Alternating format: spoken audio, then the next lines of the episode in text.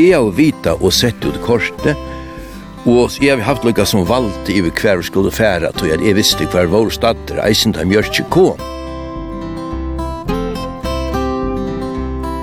Og så platt det spyrja okra er ærlig om sandingar okra. Er du hanga eller vatten? Hva sier han? Jo, hanga. Hanga, hva er det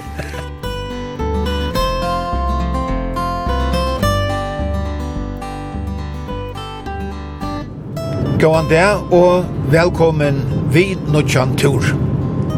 Vi mer i bilen er tvær menn som er det atle at noa malen tar sette seg for gåan Trimon Aron Sujane. Tøyre har vært startsfelavar og i mange år, Nutsjalfjers åra gamle Joarmauren Asven Sigvarsen som bor i Saltangarå, og 12 år gamle Skolvusingren Jens Dalsgård som bor i Kliveron, vore i mong ar startsfelavar og i skolan. Hese søgnast og tru i arne har vi tar kutsi at genka til ødelvøtten og tjattner i landen og tar har oppleva negv hesa tøyina. Og nu er tar komner så mykje lengt at tar har bæra ått vatten etter. Det er ui Vavon og tøy gongur løyen tjokkon ui det til Gasadals. Hette er vi tåre og vattnature, saman vi Sigvardsen og Dalsgård.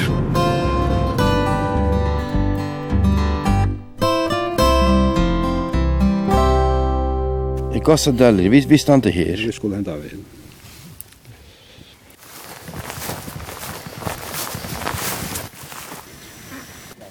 Simer Stenövni, han har skrivit upp ett här. Alvis check, jag säger det. Fyrst, det där första. Jo, jo, Alvis check om henne, tvert om henne. Spennende kjekk.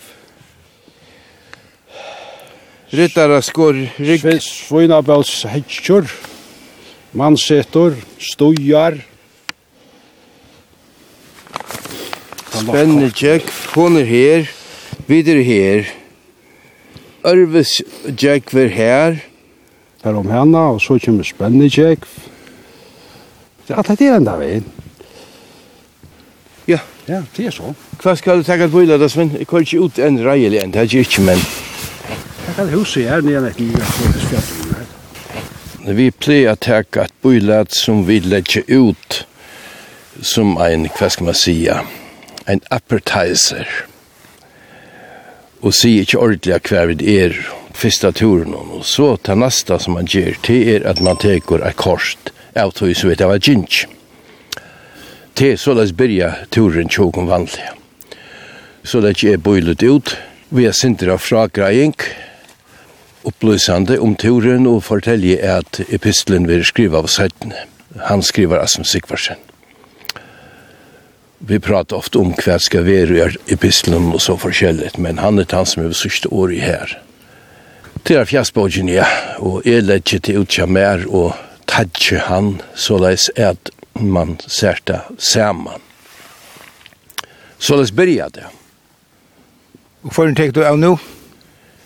Nu er det et sejehus, et lampahus og i Gassadal.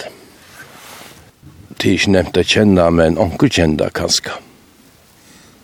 Fjadli og man fører til rattliga.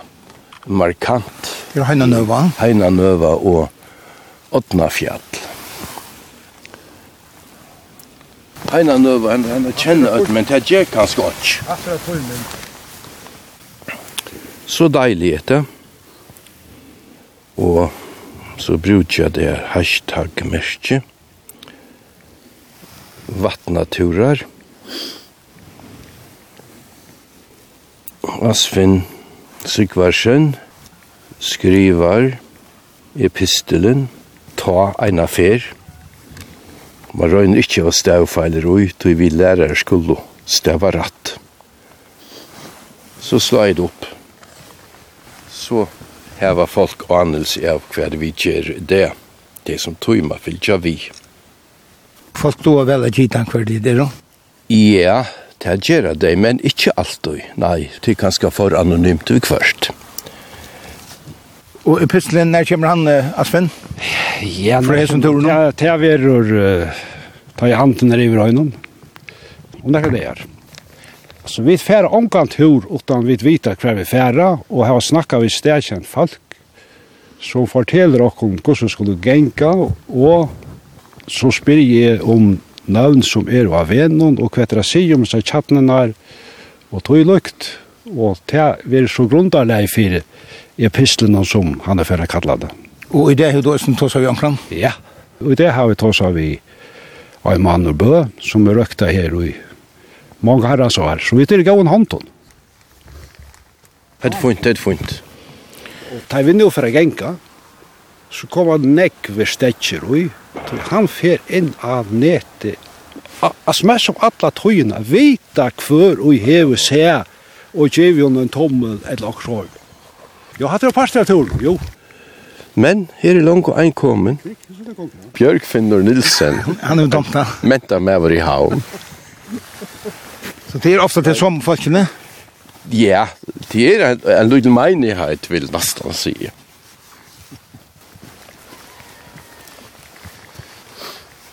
Vi er en lenge turer. Lenge turer, ja, ja, det er lenge turer.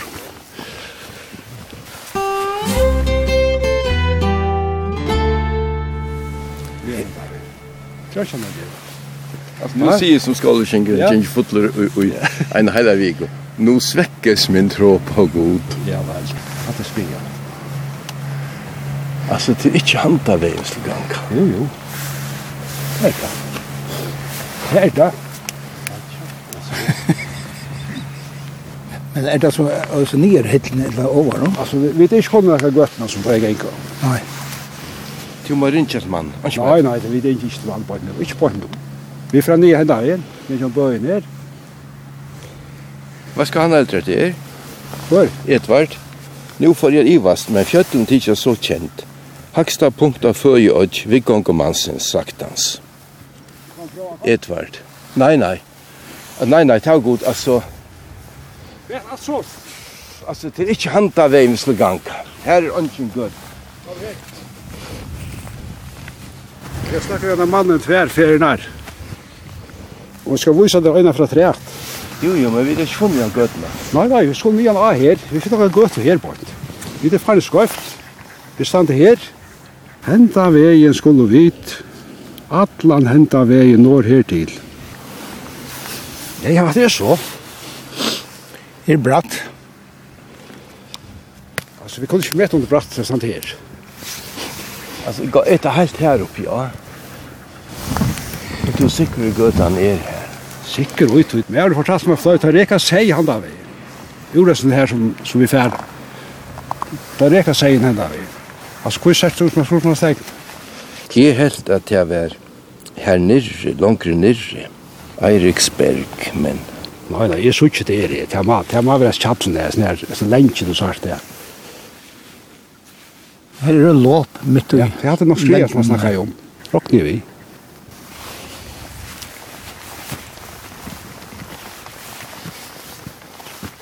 Og bo ikke ned over myndla vøker. Ja. ja. Nei, men der må jeg sitte her under her. Det som jeg kan se ut om han, for her er lest og og en stein i heisen, så er vi ikke mer her. Men det er nye for jeg har sagt her at gøtene er bortlåpen. Ja. Det er ikke reit ferie etter gøten her, som sa, han den eieren her. Her på et nyår, men her er godt å genka. Ja.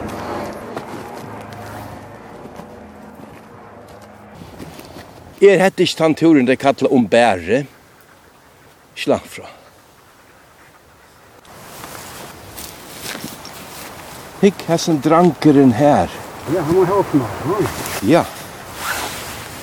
Jeg må ikke veitur, jeg må ikke. Sjúkran.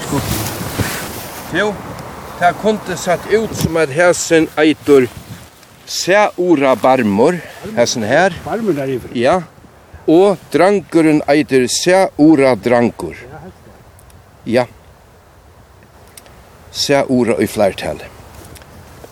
Og kvanna delur liggur omanfyr. Det ser ut som mykines detter. Ja. Simpelthen, simpelthen. Hatt den største helninger som er i fargen. Ja. Til Mykines. Hatt den nyaste flyen her, og okkur kommer helt undan sjånen her iver. Vi enda nå. Hvis hun var kjip nå, så er man helt til at hun var via søkka. Ja, ja. Og til er hun, hun er via søkka, men hva er det einar, kanskje hundra tusen år.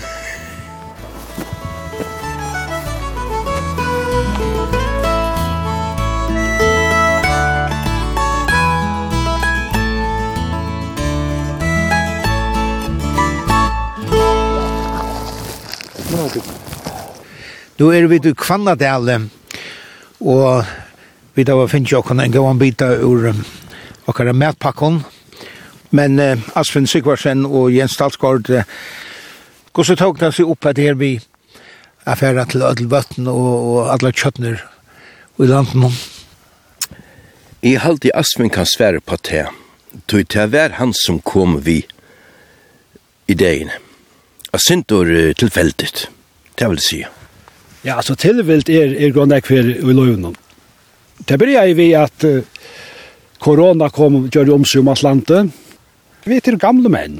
Altså, jeg er ganske fortsatt og han er åtte er yngre, så vi er til holder alltingar. Men vi fra tog vi gav som lærere, så har vi til trena i Lavant og i Velvero, og i øyne 12-15 år. Og så kom korona og stångt i alt. Og vi blir ble sentur, jeg vet ikke hva man kallar det. Heimleiser. Sentur heimleiser. Hvis du kvart ikke utlinn? Altså, så, så jeg en dag vi, jeg skulle ikke fære bare en tur og prøve å genga utan om løytesvatt. Sørvarsvatt, som du sier, og det ble så gjørst. Det var en fine turer, og så fær vi rundt om fjallavatn, og en av vik og søttene. Og så fær vi til halvtid til Vukavatten. Jo. Kinko her og Mål, og så ble det bare vojar og vojar og vojar. Og nu i det, det er dette sørste vattnet i ødelen førjen. Og det er virkelig så reip, men hvordan skal vi ikke reipa synder? Altså, anker grønner er anker, og vi grønner er tøymon. Jeg ser det røyt, taurur Vi halte ikke opp at er spela tøyvit er gomul Vi blir gommel, tøyvit halte opp at er spela. Og til just det som vi gjør, vi halte ikke opp etter spil, det er et spil i seg selv. Og vi tar finnes ikke av allmyndelig anlegg på strunen der. Og det er en, et vakuum, det er jo etter her, nå er livet. Men hvordan mange er det vøttene og, og, og tjattene? En halv fjord hundra vøttene har vi ikke om, og tjattene, og hvert er vatt og hvert er en tjatten.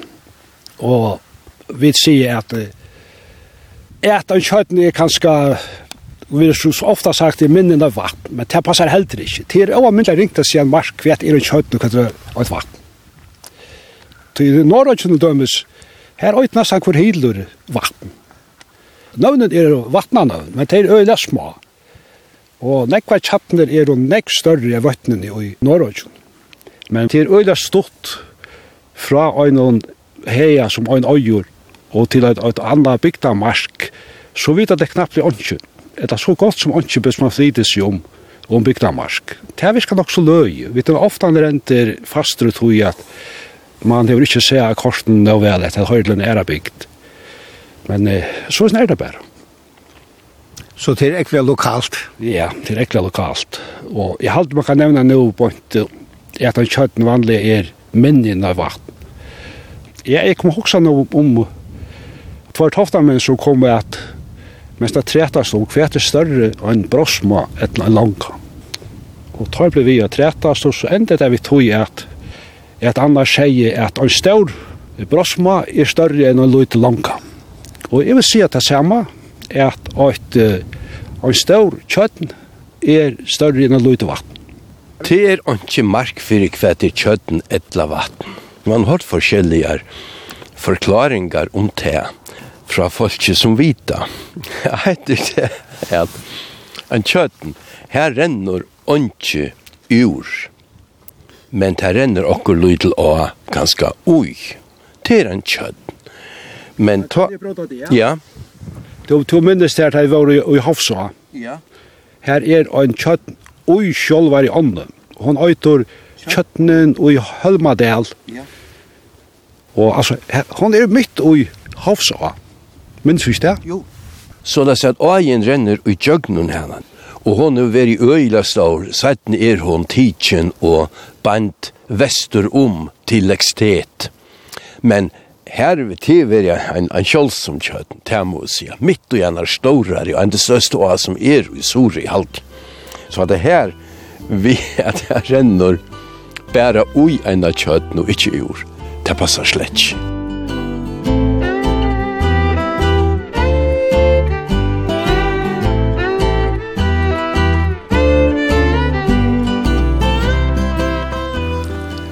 Det er ikke sånn at hoyast. Vi vi bjekt at hava til fyrir var sjøna.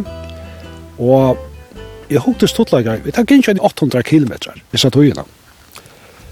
Alle turer har vært gavur. Til det, til er om alt 400 vøtten i fargen som det gikk ikke om, og i Sorøytene, her liker det mellom trus og fjers, og i Sandøytene på samme måte, men til å ikke ta feil av Estrøytene, her er det de fleste vøtten.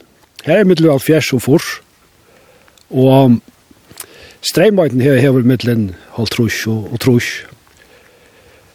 Og vi tar veri, som sagt, tvert om alle skjer. Altså, mer da man legger bitte små, små vøttene i tjattene enn disse stauro til dømes eh, eh, løytesvatten, toftavatn og alle disse større. Altså, jeg får meg besøkene små. Til ikke å nevner nekka, men mer da almindelig vel vøttene i omanfyr Kalbakk Jens, kjem du tankar om nekran uh, særlig spennande tur til David Vire?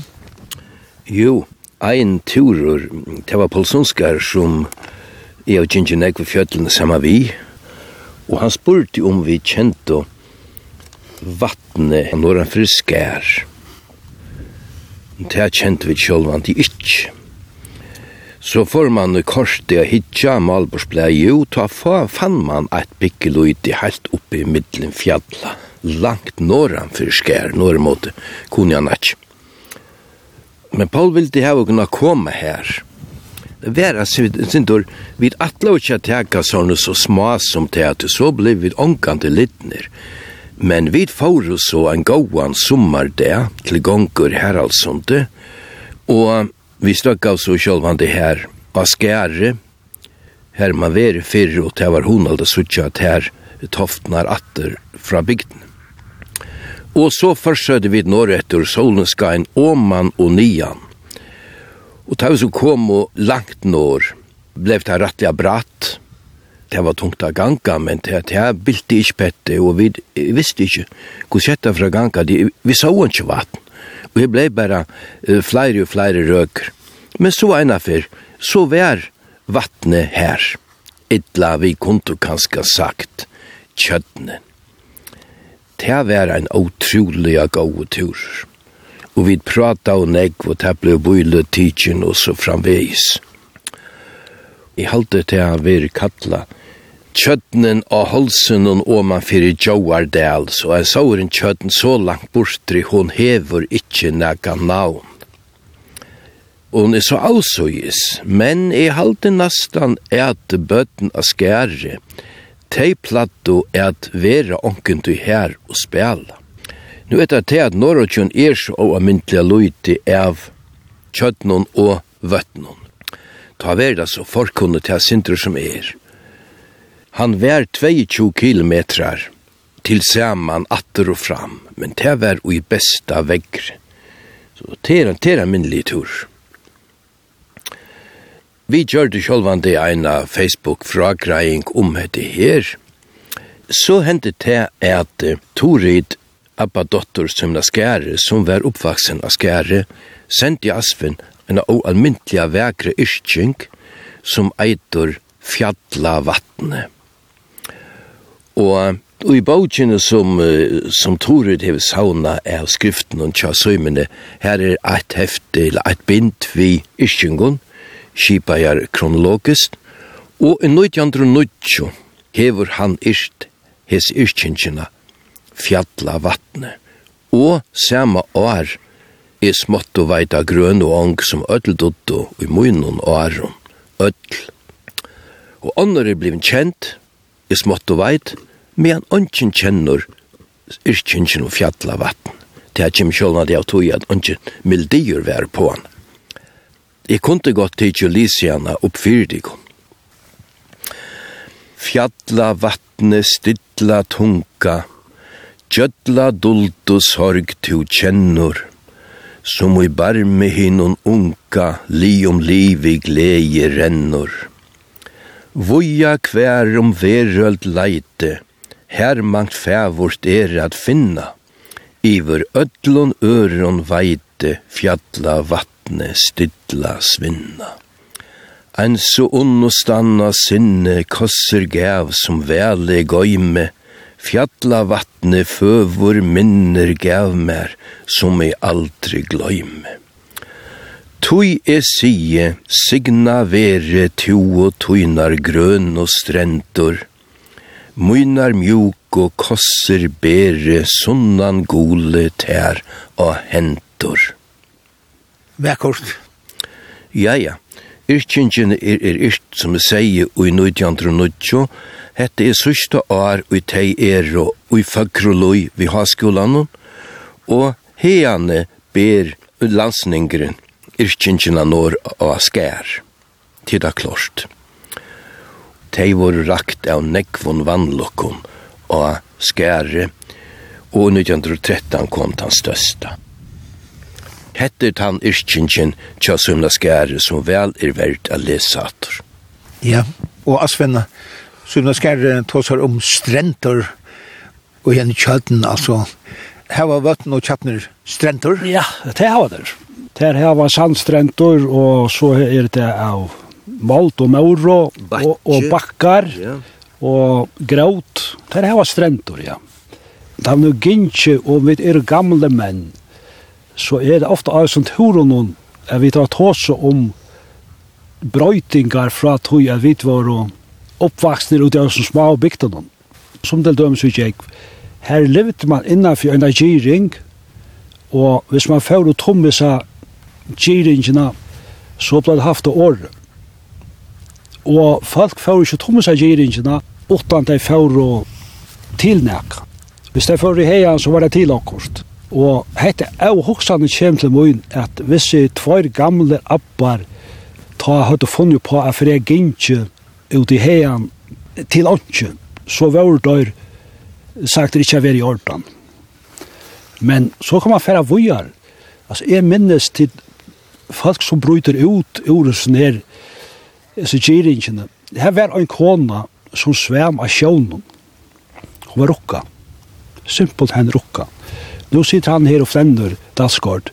Han flyter gøtt og vik eh, fløyre for vikene. Og Skalafjøren, her, her fløter konar. Hentan her kona var rokka. Altså, jeg bygde faktisk. Hon var for så fjalløsene, sa mannen. Det var ikke veldant. Jeg, jeg nevner dette bare for at vise seg brøytingene. Hvordan er jo hoksan til å kunne være at min fyrsere gamle pape for Jeg hikker etter vattnen. Han er innlagt til omgengant.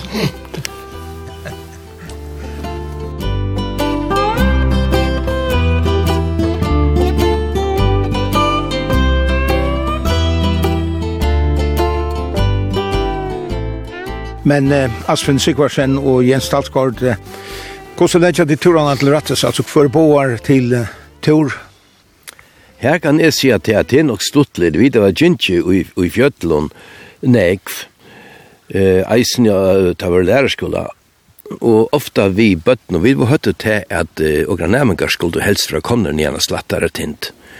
Eina ferie kusier, og det hilde vi ofta, så gynk vi negv i fjøtlån, og jeg helt fram av gang i fjøtlån, eisen ta jo i Esteria gongefella kom. Men Sigvarsen, han tømte ikkje vel.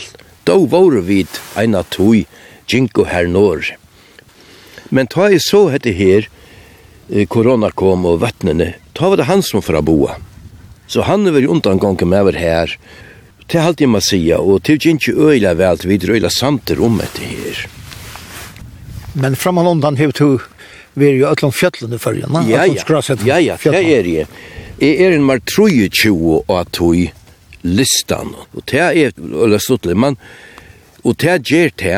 Jo, bra tid det av. Ja, gjør det. Altså, det var noe at tror jo ikke all listan som øyde toppfølger. Ja. Ja. Men nu er det første som er av listan av bottenfølger. Nu øyde du bæge bottenfølger og toppfølger.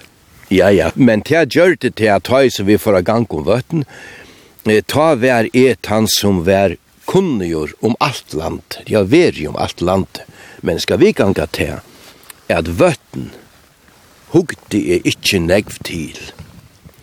Hvis negva sen jeg veri er så ikke vøtten tog at man var så spentur på fjalla tindanar som rymelt vær til vær øyelige, øyelige stutler. Og man kom at kjenne sånne folk, ikkje minst folk ur Norrøtjen. Rævlig røska ganga vårt. Det er Asfen som boar. Men til dem. Nu har vi røkta og i 30-40 år, og så hikk man et seie. Så kjør man atter og så spyr, så snakra gas. Nei, jeg sa unga gas. Og nu sykja vi bæra vøyten. Så blei det til til at vi var samtur om at letja roten her ut, så folk kunne sutja der, og så skriva vi en tekst at vi er roten hon, og her må jeg si at jeg, at jeg fer jeg takka öllun heimildar folkum som er og snakka vi til hverja evig øynas rot, så har jeg tåsa fram undan vi onkran person som er stedkjendur, og så finnes vi kommer fortalt om disse navnene som vi kommer fram vi, støyene som vi kommer fram vi. Og det hever vi faktisk alt er prikken i i. Det er, altså vi vet ikke genge her, og ikke vita hver, hver vi genga og så er her av byen løyve, det er stortligast, det er, det er veldig sorøyden, ja. Spurte en mann om, om løyve jeg gikk her, og så sier han, han steik, at jeg visste ikke for å spyrja om løyve jeg gikk i sorøyden, så halda folk at tider rundt han her. Og nei, til skulle få løyve fra mer, jeg gikk alle øytene rundt. Og det gjør vi da, døysen. Og så var det en annan med av henne. Jeg tar spurt, jeg minns vel av Sverige at Kila, men kun ikke alle stedene. Hva er det, vel sagt? Ja, ja, altså, det har fått alt jeg vet. altså, det er tås för onklan og och se när vi färra och sier til fjäll eller at det har tog. Du vet också ikke har tog. Så har spurt dere fire år än at att han inte är här. Och till onkans vi tro på kartropolog. Slett ikke. Så det blir ikke om løyve, eller det spyrir ikke om løyve? Vi spyr om løyve, og, og det er omgang nekkar tropeløy. Ja, det er um, golden nekkar senne? Nei, nei, nei, det er fatt. Altså, jeg vil si at det er at Alt som vi da var spurt av vursene så er velvilt og at hoven er fortelja det vi gjør. Og nå ligger alt samla jo som det var gjort. Og det var eisen et, et bøyte vid høtto. Det var å, jeg sier der i Jani at jeg er veri akvar i fjallat tinte så er, er kunnir om Atlantet. Det var han ikke. Han er veri ein hundra feri på sattaren. Men, og, men til å gjøre det til at jeg vært han kunnige Og så hei er GPS, jeg har GPS-er fra gamle tog, det var ikke nekver i førjen til jeg er GPS-er oppi ham. Så jeg har vita og sett ut korset, og jeg har haft lukka som valgt i hver vi skulle færa, tog jeg visste hver vår stater, eisen til mjørk kom. Ja, ja. men så kom Falsonskar og hjelpte meg og leie her appen innan mine telefon øysene, og all fall det så var misti og så det virring. Jeg misti jeg sindra valde to at jeg gjør det. Men jeg vet han kunne jeg til jeg ville si. Så det er ikke fint. Det er nokkur vøtt oppi av fjallen. Det er nok sjåtsamt. Det haksta er oppi av Kungafjallene. Og så er det vatten oppi av Borgarnon. Og ått er av Skalafjallet. Ått er av Nøven oppi av Øyre. Og og åkt er av landsjord til av Borøyden. Og i halte man altså vattnet av borgarna Kalsøyden til rettelig avhåverst. Tog i tidsmålene, jeg vet hva kan jeg si ut. Halver annar meter. Og så er større at berg nyer. Det ligger holdt altså ute av etkjene. Og det, det er holdt avhåverst av Suttjøen. Det er en av vitsja verst. Og vi halte at hon er norrast av kjøtten i fyrjon. Det var vår Aloprans øye, det er helt vidt nekvom. Ja. Øyla vekkort her. Ja. Og her var vi da sinte nervøser, de anker sagt dogon, at avlåpet av grevstren eller hva det var ur sumpia tunnelen var atlur vippa ur her, så ter tjattnar var ikke til. Og jo, så får vi her og våre kjetter og østogna synder opp. Men ta så ur beina veien at det var ikke ter er jo atlar ui beholdt. Og ta for da prata vi kjent folk, og det søtte, nei, nei, nei, nei, nei. Ter er jo atlar her. Om en everska løyter hil, løyter hil og sunnast er vekk. Det det at eina. Og her i landsleie så oalmyntlig og kjølsamt tog at jeg ligger så nær i stora vestan brimen Kanskje ikke tåntja mer nega øtju fyrjon er meira bart av brime enn lopransai. Så her halte jeg folk skulle støgga seta bilen og ganga til Lutla Petti og sutja til landslei. En gaua sommar det. Og så alt det jeg har spurt om til er om nekka loiv er og jesu vøtten. Som i søylamen er har avhåa å vita om søylerøy, og så er det hese smav som vi nå er fyllt kallat det fyrir trøtla søyl, men er det stemmer kallat fyrir kompik, og i Norrøkjen etter var stuttlige navn og så ofta flente ved at hongoil Hongkong. Vi fick inte... Hongkong? Vi vi fikk ikke kila hva det var for nekko. Alle lå jo norsk.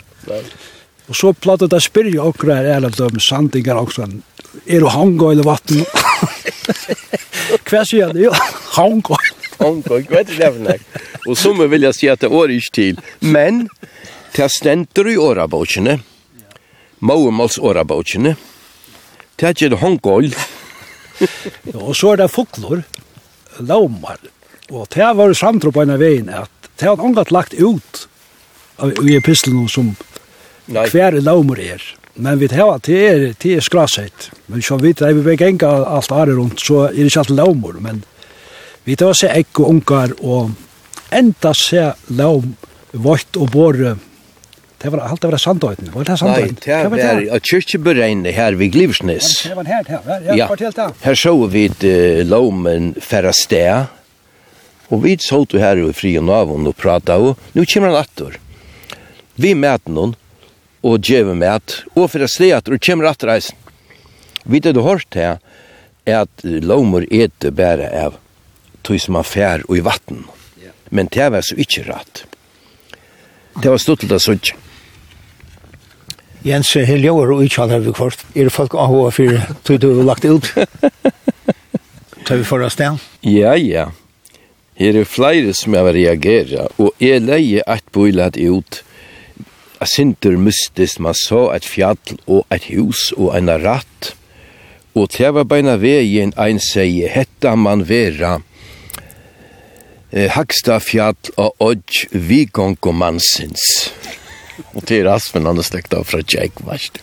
Han hisser med og nere i hoksa om slatter og tint. Og nu suttje er til en av vi kom når man sa Jøgnes har brøtt til lojene at hva han har sagt til sned med og jeg vet vel nei ikke er til rett men og i føje og kono vi gong mansens At det er imes der man tåsar vi folk som ikke er langere bort tror og fer nere smalåter og annor er det bare fa åra, så får man akkurat stortlige eh, vimerskning, og det er minst jeg ser at jeg tog seg vi bandan og i Kyrkjebø, jeg var spant i øyter det er om man kjøttene så var jeg, Halt Sura. Ja, Sura Gliversnes. Han Gliversnes.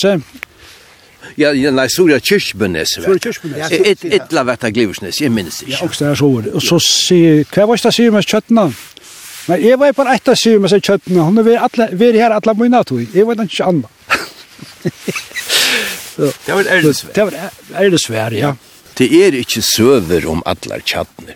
Det er det sjølvande ikke. Og nek var hev ikke nøvn. Så vi tar finnes jo nek på tro, men det som vi øyne finnes på tro er at til dømes av en som uh, hever ikke vattnet ut. Alt er øyne av de aller første som gjør noen vimmersing til turen av tjåkon og kommer vi øyla gåum fra grøyngon, ja, og vi kvart har vi kanskje lagt okkur spreka træt som han ikke ordentlig finnes vi, til dømes eh, onkra av navngivna kjøtten som, som ikke, han ikke vi opplysningar om, Vi er stendt ærende av at han, han fyllt så vel vi og. Og jeg finnes jo tvei bøylet i vattnavåsina kjøm.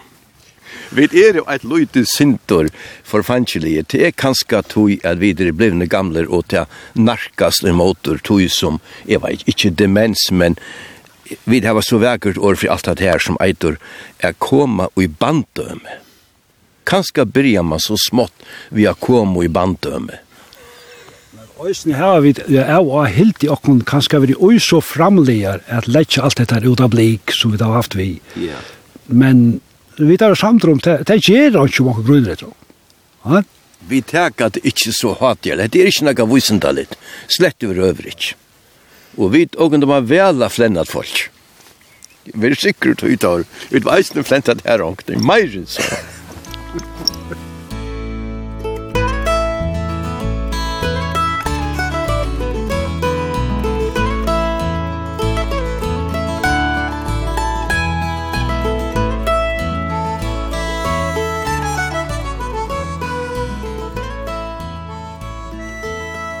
Nu stekka vi ikke atter for er vi kjøtten av Riksmøyro.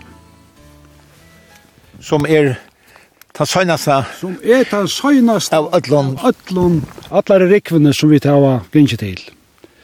Det er spennende å søke hvordan ser ut. Jeg sier meg avrenn. Jo, jo, ta vi, ta vi det. Vi har den her av. Hon ligger her chatla bols flesjar nere i under. Riksmøyra og at vi tjadla brunna ligger hun. Gå og vøkur nøvn, ein hattarsteinur er her, god han hjelpe mer. Tu veiter hattarsteinar er nekver, eine 13-14 land. Til en steinur vi en staurum bøtjum han også. Her Norge kallar det fyrir toppsteinur. Vi tar ein Norge ekv.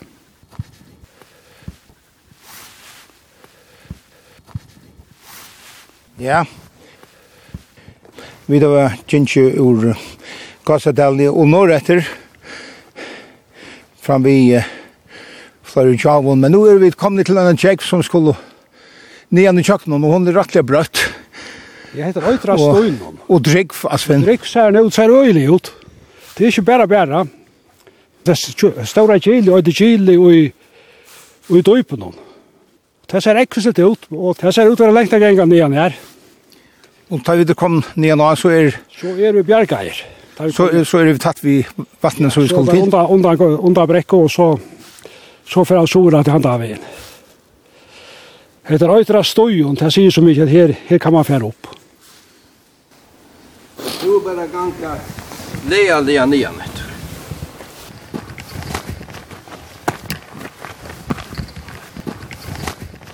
Det er ræver om å hitja, Sintur, rundan om seg.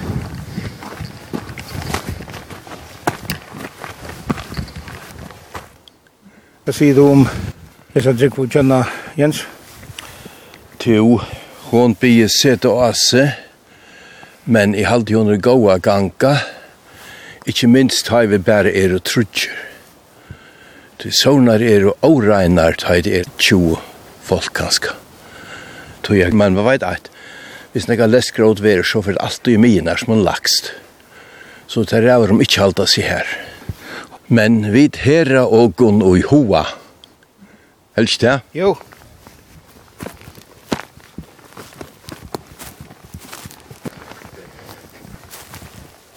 Der er han ferdig? Han er her ute. Han er ved tidskjøver. Å oh, ja, takk kanskje han gå det til jo. A ganga som to. Så så slipper vi fra oss ned. A ganga bare. Bare ned. Da vi koma nian og her som to er, då slapp det. Det er over om å hitja, Sintur, rundan om seg.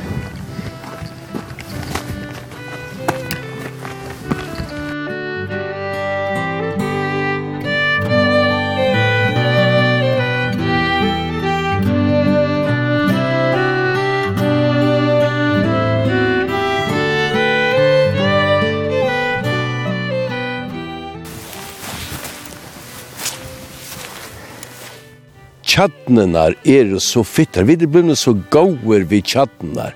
Tog at her er ofta såna små vujtjer og jo nekker steinar og forskjellig saur. Så tjattnenar er, er undermettar? Ja, det er alltid, det er alltid, det er var liv og liv farligt. Til dømes av Viereie, her eiter at Loma vøtnen, til inni i del her som tunnelen kommer ut til Viereis, men her er kvartje lomar etla vøtten, men man kan sutja der en fløta er, så her er det ver, til det klart at de vøttene er og vart bostor. Fyrir å få flere strå til seg. Fyrir å få strå at træt, ja, ja. Og til dømes i skåpen her som er, er kommet, jeg kom nek som smadrangor, her er norra vatten,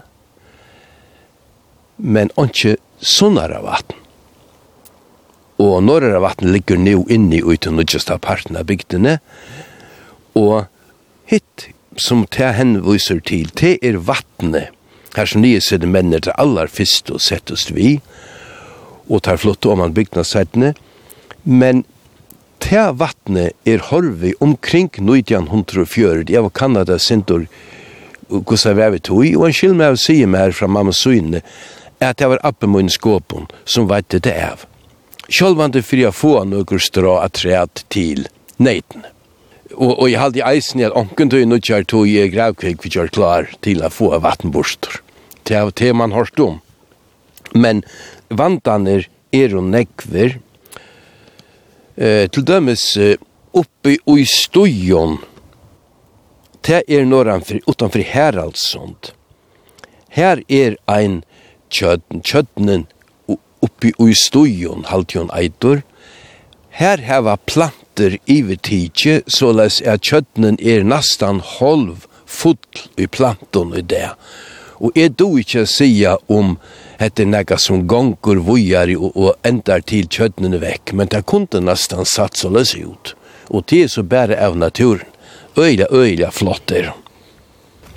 Nu har du finnes jo en avvisa omtale i samband med seg her vattnaturen er mersa dit at ahoen fyrir bøtten og tjatten er vaksen.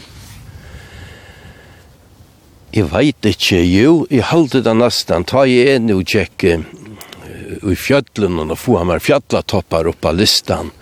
Ta hei man ofta så, så lutla tui, at man fekk ikkje tui, at hitje etter var nuksa ikkje vøtten, men jeg og veri nekva sene at hei man turen om. Her som jeg ser jo tjadnar er, men jeg har slett ikkje satt der. Og nå så ikke onker som ganger fjøtlen og legger av Facebook, at jeg har alltid bøylet av, av og vi. Det gleder meg øylet. Vært og økjene, det er i virus mykjel, i alt lov. Fuklanar og smatskikt av vøtlens løv. Og jeg gledes øylet tar jeg suttje at en steiner er lagtur og i frarensle. Det ser man nekva sten, så kjøttenen er vart fyre ikke bliva minn. Musikk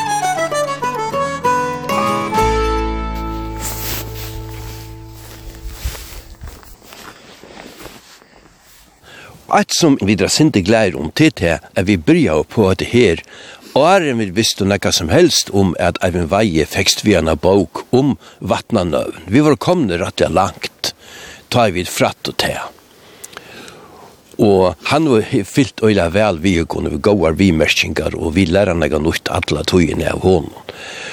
Og jeg er heldig at jeg har finnst tvei bøylød ui bøylød ui bøylød et av lytjevatten i skåpen og et av krossvatten i Skalavik. Det er sånn stottelig der. Heimbygdene. Ja, og akkur hever han revidera fra åkra opplysningen, mener vi Jinko. Mer enn så. Det er eisen litt alltid. Altså det som jeg halte vera nok så avavert og gjør sånn er tilgående til åkken, det er alt gømt, bare det som er skriva og rotenar og myndenar. Og nå er det, er det vidt ikke kvendagsgjester i utvarpen om men allukall kunt man, da man er her, takka dem som man hever tåsa vi, og det er vi virus mykje, og på nekva matar, tog, altså bare innan vi sitt troi årene, da jeg hukse meg om, så er fløyre av sin heimla folk noen færene sist innan vi sitt troi årene. Så det sitter et større prus på, jeg vet, jeg finner stedfest og grøyta sin fra svøyten og fra falskje som ikke er mer. Og da man hukser om datan og så er man tar seg ur denne folk, og det er bare øyne for at, at det vurste av et konefolk. Og det var under kona Signabo. Annars er det bare menn som har sagt fra. Hvordan ber det til? Hvordan ber det til? Altså, vi tar liv i en samfunn som mennene gikk ut i naturen, og at han har nøyde koner hvor og borte. Det er råkning bare vi, det er råkning av menn og tøylukt. Det er jo det sjoldbane at når kona eller kvinner er røktar. Det er alltid. Og alt som gjør det han også interessant til åken på han til, han jo er vi gamle lærere og enda føreslærere eisene, alltid haft ahua ui male føreskånd og stegarnøvnen. Finns jo øyla nekv gå A Atreat. Ja. Møyre møyre det gynnsje så at øysen tidsje nøvnene som vi kommer fram vi, stegarnøvnen, særlig i løyen. Ja. Men uh, Vantar du at nekkar fyrir at gjerra til kun uh, hendan turen etter at fyrir til yeah. Ødvøtten og, og alle tjappner?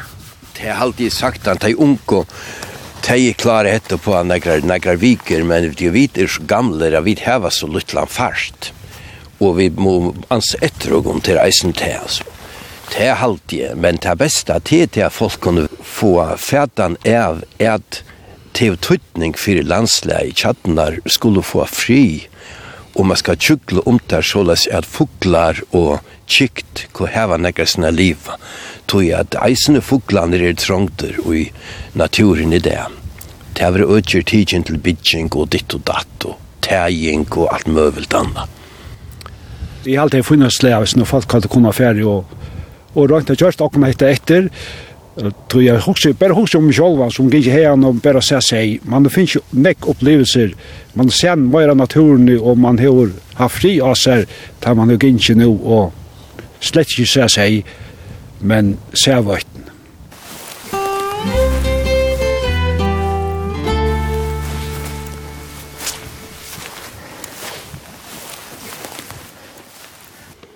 Hetta var ja. Hetta var ja. Nu er vi Kom der om suger til dette vattnet? Ja, det er i kjøttene av Riksmøyro. Ja. Og så rikker en omanfri er råkne vi at i navnet kjønner Riksmøyro. Og myra er, det er en større myra, og jeg var fullt av Møyrsnøy på. Ja. Det er det beste. Hetta må være en av den største Møyra i Førjo. Det er alltid pura visst. Og det er av vikon, men jeg må si at det er så omkant jo som etter vidt om etter vattnet, for det er nok så nøylig. Det må jeg si. Det er flott og vekkert vatten. Idla kjøtten hva man sier. Ja, tar kalla det kjøtten av riksmur. Nettopp, det gjør det. Og det er navnet fra videre bruka. Men nå er som malen natt. Hvordan er kjenslan? Fåne gå. Jeg ikke tro at det skulle ganga så vel. Det er vært på en veien at vi at vi atla vet det her. Det kom seg bare så lujande. Jeg sier kjenslan er utrolig god Og jeg så ikke frem til at vi har en så øyelig rik og litjande tilfære at man får kjipa det bedre, så det ikke fyrir for ånds. Ja. Og det er ikke som man at det. Jeg har så øyla nek høymildar folk som jeg har tåsa vi og jeg har det alt litjande til fyrir kjipa så løsner at Jeg tar lagt sånn at det skiler ut, det er, det er rettelig godt skil som er, men det skal være enda bedre. Så nu gjør vi det som utredda følelsen för jeg gjør at jeg har vunnet en tjej. Ja. Har du at det er tar Yes. Ja. Till och takk, takk. Stutt litt, men jeg synes det tomt. Tog kvært, kvært nu, kvært nu. Men det är en god kjensla. Oj, det är en god känsla. Ja, ja, ja. Flott kjøttene, enda vi. Og i halde at utsøgni er nekka av det flottaste vi har ved fyrju. Hetta er vikon og til det grønnaste vi har ved fyrju og natur. Hetta skulle just sjálvan just i en naturpark, en tjóargær som der sig i Íslandi, her som ödle sig her dyrene som er her nu, skulle halda fram að ganga. Vi tar gynnsi 90 kilometer her til, og så er høymatene til, det steg må være en knapp helt kanskje. Så tar vi natten her vi komme til oss. Ja.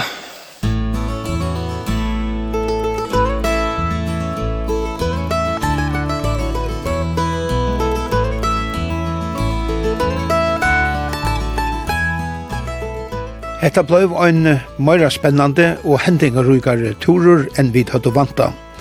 Tui lagnunar spøyseme, Jack akkurat hesson søgnaste vatnaturen tja Asvinne Sigvarsen og Jens Dalsgård ikkje etter bøkjene. Tui ta vid våro av vi heimator, kinko vid uh, ikkje ratt, Navigatøren naturen hei glemt at løa telefonene, så hon sovna i og heimløyene, og hervi mistu vid GPS-aran, som sier okkon løyene.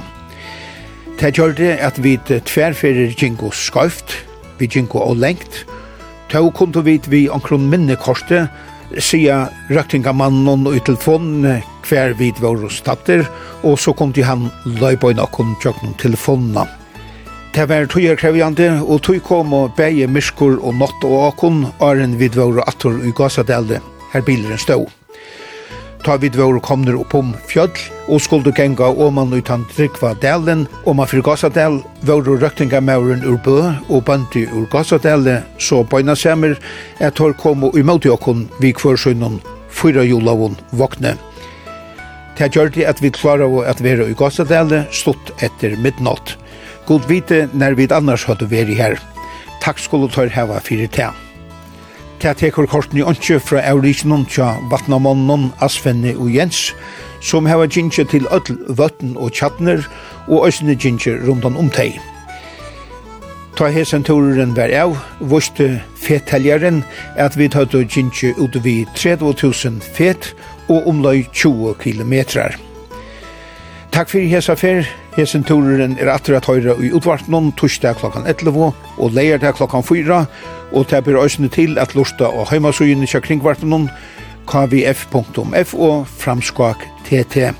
Og han er som loy som potvarp. Vi tauri og tauri hevur suju av Facebook og herfer at bera til at sutja mynter og kanska akkurat videobrot i òsne fra hesson mennliga vatnaturnon. Vi tar høyrast attor om øyna vikom.